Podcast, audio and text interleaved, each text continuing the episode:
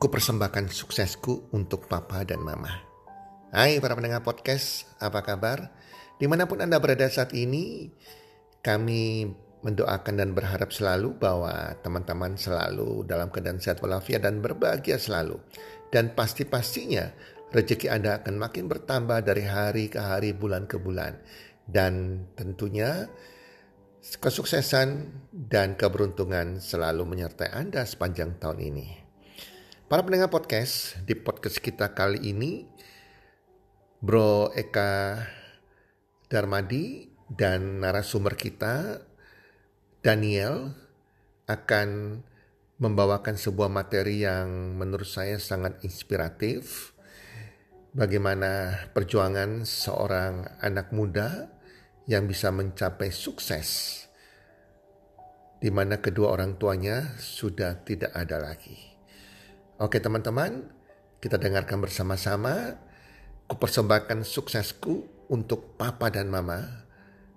Kami percaya akan menginspirasi Anda dan bermanfaat bagi Anda. Selamat mendengarkan.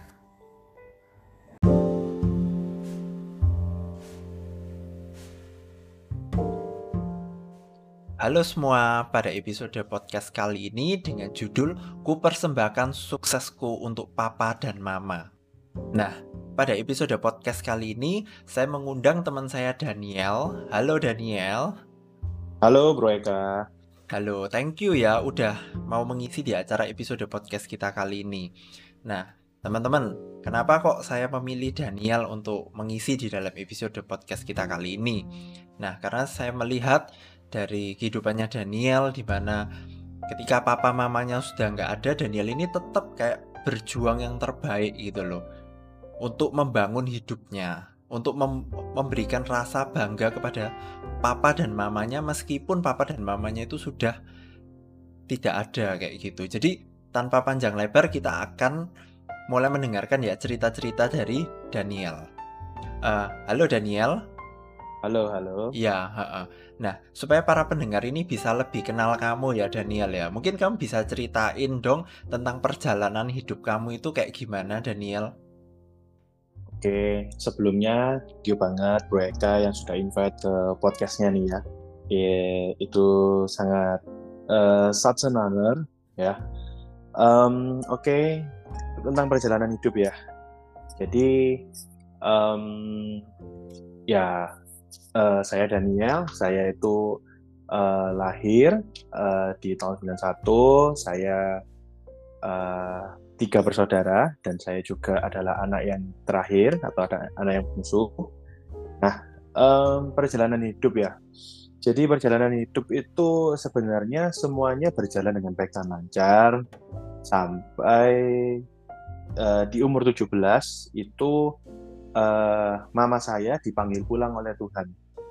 Nah, kemudian setahun berikutnya juga di umur saya yang ke-18 atau tahun 2000 kurang lebih sekitar tahun 2008 itu kakak perempuan saya juga uh, akhirnya menikah dan juga pindah ke Amerika.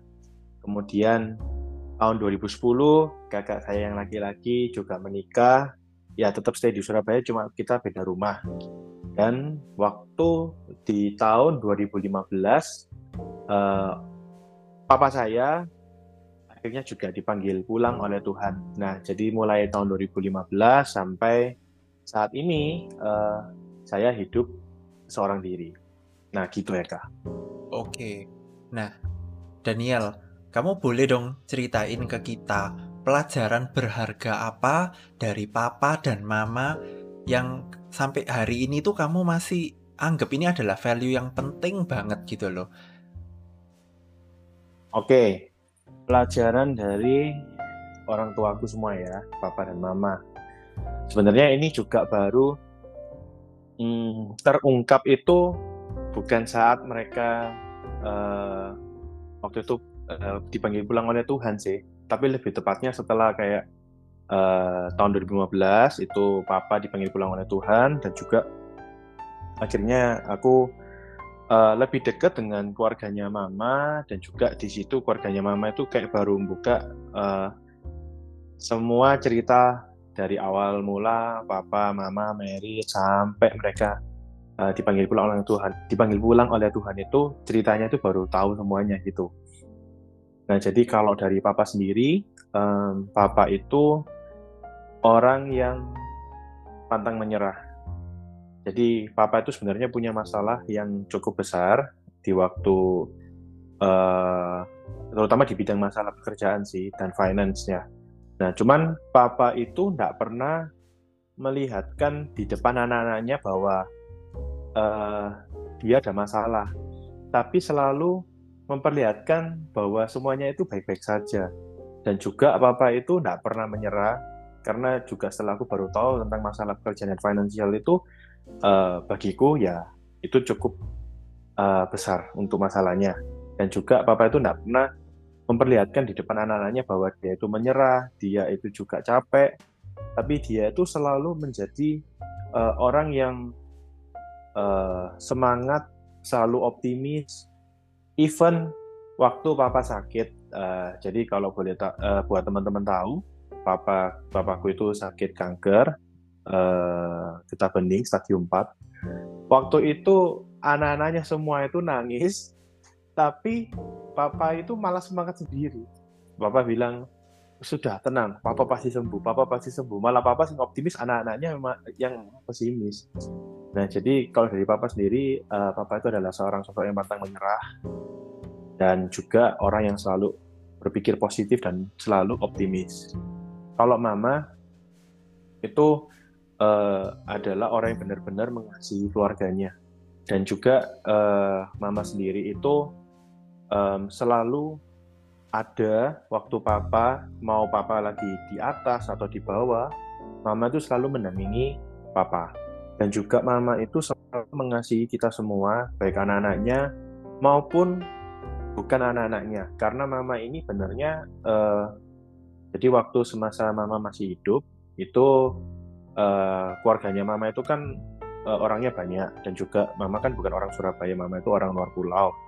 Nah, uh, jadi kebanyakan uh, saudara-saudaraku yang dari luar pulau, kalau mereka sudah sekitar pendidikan SMA atau kuliah, itu mereka itu selalu uh, sekolahnya itu di Surabaya atau kuliahnya di Surabaya dan uh, mereka itu tinggal di satu rumah. Nah, mama itu hari-hari itu selalu uh, membagi waktunya antara uh, ya aku dan Koko dan JJ dan juga saudara-saudaraku yang lain. Nah, bagi waktunya mungkin kayak gini, Senin, Selasa, Rabu, uh, Kamis di rumahnya uh, saudara, masakin, kemudian ya bantu-bantulah intinya. Dan juga kalau weekend harus baru bareng-bareng sama kita. Nah, jadi mama itu benar-benar mengasihi uh, keluarga maupun saudara-saudara juga tanpa minta apa pun, minta balasan apa pun, dan juga mama itu adalah seorang sosok yang selalu memaafkan. Jadi meskipun ada orang salah sama mama, mama dikecewain, tapi mama itu tetap bisa mengasihi orang itu dan menerima kembali orang itu tulus tanpa uh, ada semacam gap gitu sih. Nah gitu Eka. Oke, wow, menarik sekali ya. Nah, kita sekarang penasaran nih sama perjalanan karirnya Daniel ini seperti apa Daniel? Mungkin kamu bisa ceritain perjalanan karir kamu dari awal mula sampai hingga kamu saat ini sudah achieve apa yang tertinggi dalam hidup yang sampai saat ini maksudnya. Oke, kalau perjalanan karir, benernya awalnya itu aku bukanlah seorang marketing. Jadi uh, background pendidikanku itu adalah seorang yang belajar teknik otomotif atau teknik mesin. Nah, uh, karena uh, mobil, motor itu sebenarnya adalah hobiku uh, atau kesenanganku. Jadi makanya kenapa aku ngambil uh, jurusan kuliah itu teknik mesin dan atau teknik otomotif. Nah, sampai setelah lulus kuliah pun sebenarnya awalnya itu aku bekerja di uh, perusahaan otomotif. Ya, yang satu perusahaan Jepang dan satu perusahaan Jerman. Total aku kerja di sana itu kurang lebih sekitar satu setengah tahun. Nah, jadi um, setelah itu kayak setelah papa dipanggil pulang oleh Tuhan, ya aku berpikir sih, uh, ini kalau aku terus-terusan bekerja di perusahaan, um, ya secara gaji itu pasti nggak akan cukup. Uh, kalau misalnya nanti ke depan aku mau berkeluarga, kemudian aku juga mau uh, mungkin liburan ke luar negeri atau apa. Karena waktu itu memang aku punya banyak impian sih. Aku jujur gak pengen luar negeri, pengen juga uh, ya nanti menikah punya keluarga apa itu intinya nggak cukup lah menurutku. Nah waktu itu akhirnya aku ketemu dengan teman gerejaku yang lama. Uh, dan dia itu barusan uh, buka kantor properti. Nah, jadi akhirnya waktu itu uh, aku ditawarin sama dia. Nah, cuman pada saat dia nawarin itu benernya aku tuh nggak terlalu ter tertarik karena aku nggak ada basic di marketing. Dan juga aku tuh sebenarnya ya nggak pinter ngomong lah kasarannya. Karena waktu itu ya sekolahku juga teknik kan. Sekolah teknik kan nggak butuh ngomong, yang penting kan uh, apa hitung-hitungan dan lain-lain. Akhirnya ya udahlah setelah satu bulan dari penawaran itu aku baru akhirnya join di properti dan ya setelah itu uh, mulai mulai bekerja di dunia properti ya waktu itu sih uh, aku cuma punya apa ya iman bahwa Tuhan kalau semisal uh, aku kerja di properti ini kan adalah bidang yang baru. Kalau memang uh, Tuhan merencanakan aku untuk mengerjakan uh, properti ini, aku yakin dalam waktu segera Tuhan pasti kasih aku closingan. Dan waktu itu benar-benar uh, aku kan memang kasih deadline. Jadi aku ngomong sama temanku, namanya Diki, uh, aku ngasih deadline, uh, bro, gini ya, aku jujur aja di properti ini aku juga belum pernah ataupun marketing aku juga belum pernah. Nah, tapi aku minta tolong kamu bener-bener bantuan aku. Aku kasih deadline buat diriku sendiri dalam waktu dalam waktu satu bulan aku harus bisa closing. Kalau misalnya memang aku nggak closing, ya aku kayaknya nggak lanjut deh di properti. Aku tetap bekerja di perusahaan otomotif ini. Nah, waktu itu tak pikir uh, temanku ini Diki itu bakal waduh ya nggak bisa Jen gini gini gini tapi enggak ternyata dia imannya lebih besar daripada aku oke nggak apa-apa satu bulan kan iya aku yakin kamu pasti closing tapi gini ya pokoknya kamu ikuti semua yang aku uh, uh, infokan ke kamu kamu ikuti ya nggak ada kata tidak oh iya oke okay. tak ikuti wes apa sih kamu mau aku ikuti nah waktu itu akhirnya aku ikuti sebisanya dan puji Tuhan dalam waktu dua minggu itu aku bisa closing pertama aku di uh, properti atau di dunia marketing. Nah, akhirnya setelah itu um, ya 2015 ya. Jadi itu kan mulai 2015 aku mulai bekerja di uh, properti dan di tahun 2016 uh, itu benernya adalah awal uh, titik terendahku titik terendahku dalam uh, bekerja di dunia properti jadi uh, dalam setahun itu mungkin nggak banyak closingan. Uh, juga cara kerja waktu itu aku juga nggak punya cara kerja yang memang sesuai styleku. Tapi uh, setelah diperdalam di tahun 2017 itu uh, mulailah mulai bangkit.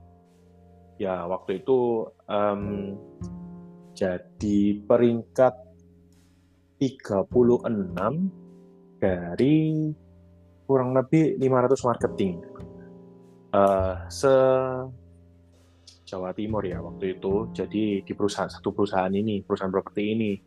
Nah, cuman kan di tahun 2018 itu memang uh, transisi dari kantor sebelumnya ke kantor yang baru namanya DB Real Estate Indonesia.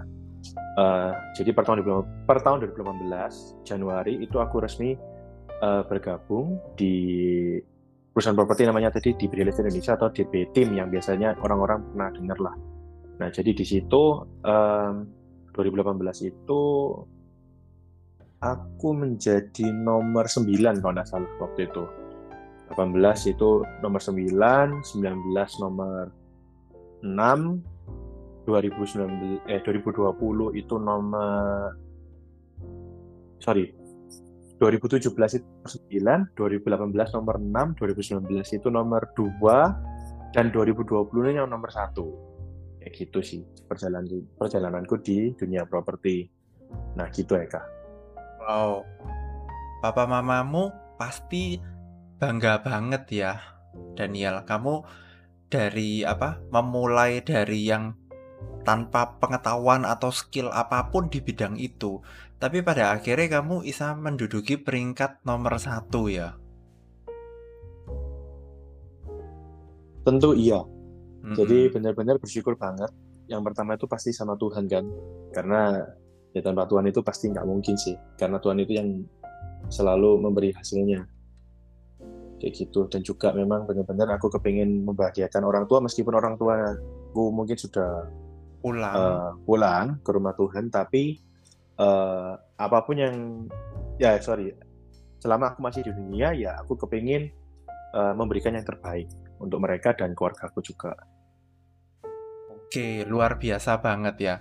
Nah ngomong-ngomong nih kamu kan di bidang properti ya berarti kalau misalnya para pendengar ini ada yang mau cari atau yang mau jual properti itu bisa kontak kamu ya Daniel ya bisa uh, bisa kontak via Instagram namanya @januardaniel91 atau @propertyhouse boleh dikontak di sana sih. Oke, oke. Nah, sekarang kita mau nanya nih, ya kan? Mm -mm. Nah, pernah nggak kamu itu merasa ragu untuk bisa sukses? Pasti pernah. Pasti pernah lah kalau ragu untuk sukses ya. Karena um, kalau di dunia properti itu sebenarnya kan tolak ukurnya kita sukses itu adalah dari closingan. Um, jadi pernah itu di tahun 2019 sih actually uh, itu selama tiga bulan itu uh, zero closing atau enggak closing sih. Nah itu benar-benar kayak um, aku benar-benar sudah ragu, benar-benar nggak yakin apakah uh, properti itu memang jalan hidupku sih jadi uh, benar-benar waktu itu desperate ya kan cuman um, setelah tiga bulan itu ternyata bisa closing dengan nominal uh, yang memang terbesar dalam penjualanku di dunia properti sih kayak gitu Eka. Hmm, oke. Okay. Nah, pada saat itu apa sih yang membuat kamu itu tetap kuat, tetap semangat untuk tetap mencoba lagi meskipun pada saat itu kayak kondisinya lagi kering ya lagi nggak ada closingan kan identik dengan tidak ada pemasukan ya nah pada saat itu apa yang buat kamu itu tetap semangat kan biasanya nih orang-orang kan pada saat kering gitu kan kayaknya ini aku harus pindah deh. Kayaknya ini bukan bukan apa bukan bisnis buat aku deh. Nah pada waktu itu hal apa yang membuat kamu itu tetap bertahan itu Daniel? Oke, yang pasti yang pertama itu um, aku yakin banget kalau Tuhan itu tidak uh, pernah salah menempatkan aku di mana pun. Terutama kan karena aku ditaruh di dunia properti, di ladang properti. Aku yakin banget Tuhan pasti punya rencana di pekerjaan yang aku kerjakan sekarang.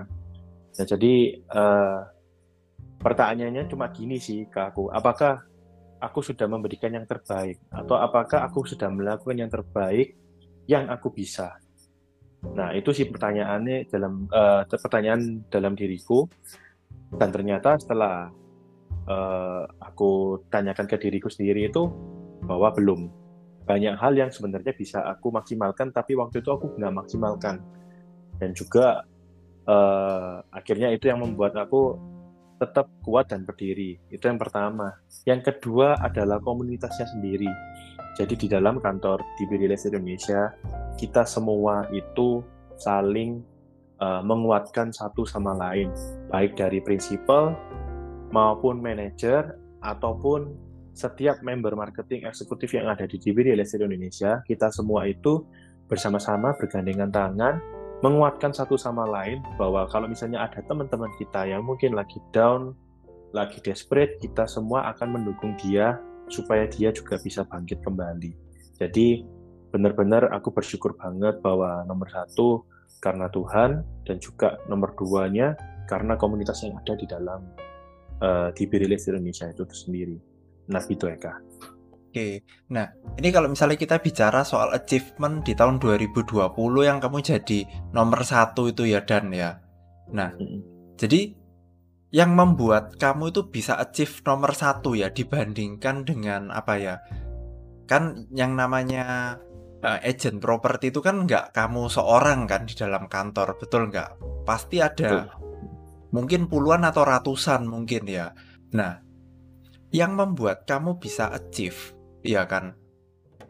Itu karena apa? Ada something sesuatu ekstra yang kamu lakuin atau kayak gimana, Daniel? Oke, yang pertama kuncinya bisa achieve itu karena aku yakin uh, Tuhan berjalan bersamaku. Jadi memang di tahun 2020 adalah tahun yang berat buat kita semua karena kita semua dihantam oleh pandemi corona atau COVID-19 tapi aku yakin dan percaya bahwa Tuhan itu tidak pernah meninggalkan kita sedetik pun. Jadi aku tetap uh, berjuang. Itu yang itu yang paling penting, berjuang dan punya iman.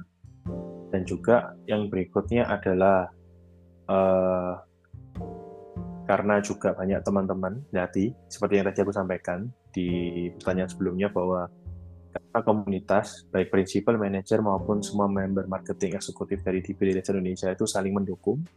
Yang ketiga juga sebenarnya kalau dari uh, dari kantor itu sudah banyak banget memberikan support dan juga kantor uh, di Real Indonesia itu uh, selalu punya terobosan di dunia properti. Terutama kalau uh, Bro Eka mungkin main di YouTube bahwa boleh boleh dibilang YouTube-nya di Real Indonesia yang kita sebut sebagai DB Team Studio adalah uh, the first digital property in Indonesia dengan uh, subscriber terbanyak saat ini. Jadi kurang lebih sekarang itu sudah sekitar 91 ribu subscriber kalau nggak salah. Dan juga jam tayangnya itu sudah sekitar 9 jutaan. Nah itu uh, adalah salah satu terobosan. Jadi banyak banget di tahun 2020 itu closingan Eh, teman-teman uh, juga. Semua itu dari YouTube. Eh, respon-respon uh, klien dari YouTube semua. Jadi benar-benar uh, pasarnya juga nggak Surabaya aja. Jadi kemarin itu ada beberapa dari luar negeri uh, WNI tinggal di luar negeri ataupun yang di, tinggal di luar kota itu membeli properti di Surabaya dan juga banyak banget support system di dalam kantor di British Indonesia itu yang sangat membantu uh, setiap member yang ada di dalamnya gitu sih. Oke, ini berarti bicara soal inovasi ya di mana dari DB ini bisa membuat sebuah channel YouTube ya yang secara eksklusif video-video tentang rumah ya. Kalau nggak salah aku pernah lihat kan kan rumah-rumah di shoot dengan dengan kayak terlihat profesional banget ya kan seolah-olah kayak kan tahun 2020 adalah masa di mana corona itu kan lagi lumayan tinggi ya Daniel ya. Jadi kan kadang kalau misalnya mau lihat rumah atau apa kan kadang tentu ada kekhawatiran tersendiri ya.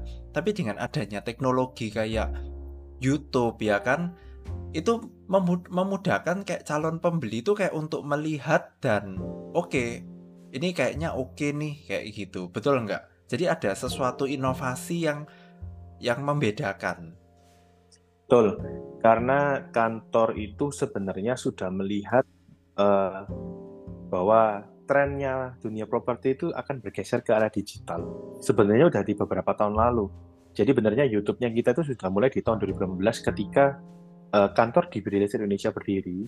Itu sebenarnya kita sudah mulai membuat YouTube. Cuma memang waktu itu uh, kita belum sam kita tetap bekerja mengerjakan yang terbaik. Cuma waktu itu memang mungkin momennya belum datang Nah, tapi ternyata setelah selang setahun lebih, waktu di awal tahun 2020, itulah uh, momen di mana titik baliknya YouTube-nya DB Team Studio itu meningkat drastis karena semua orang kan kebanyakan WFH di rumah kan. Nah, jadi otomatis mereka punya lebih banyak waktu untuk uh, menonton uh, atau uh, virtual viewing ya kita ngomongnya ya ke rumah yang akan mereka beli sih seperti itu. Oke oke. Nah ini sebagai pertanyaan terakhir ya Daniel ya. Hmm. Apa nih pesan-pesan buat para pendengar Daniel? Oke, pesan-pesan buat teman-teman sekalian yang mendengarkan podcast ini bahwa yang pertama itu tetap uh, berpegang sama Tuhan ya. Jadi memang uh, kita itu cuma bisa melakukan yang terbaik, hasil itu Tuhan yang berikan. Jadi fokus kita adalah apakah kita sudah memberikan yang terbaik atau kita apakah kita sudah mengerjakan yang terbaik di ladang pekerjaan yang sudah Tuhan berikan ke kita dan juga uh, selalu dekatlah dengan komunitas komunitas yang positif karena uh, lima orang terdekat kalian itu yang akan menentukan masa depan kalian. Kalau lima orang terdekat kalian adalah orang-orang yang bisa membawa dampak positif buat kehidupan kalian, maka masa depan kalian juga positif. Begitu juga sebaliknya.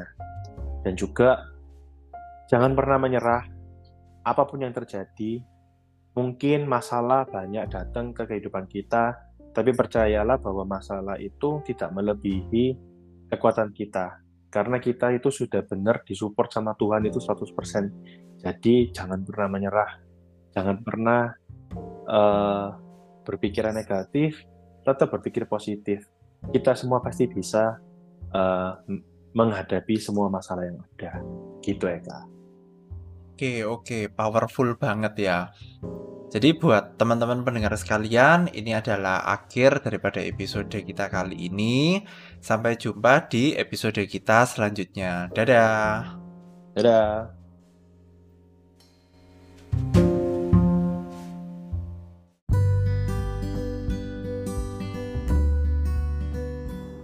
Terima kasih sudah mendengarkan podcast kami.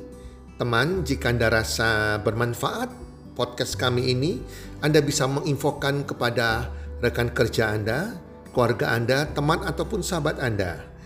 Dan jika ada hal-hal yang Anda ingin tanyakan kepada kami ataupun topik-topik apa yang Anda ingin kami bawakan, kami sampaikan, Anda bisa DM kami di Instagram kami healthcommunity.id. Salam one two three, salam sehat, sejahtera dan bahagia.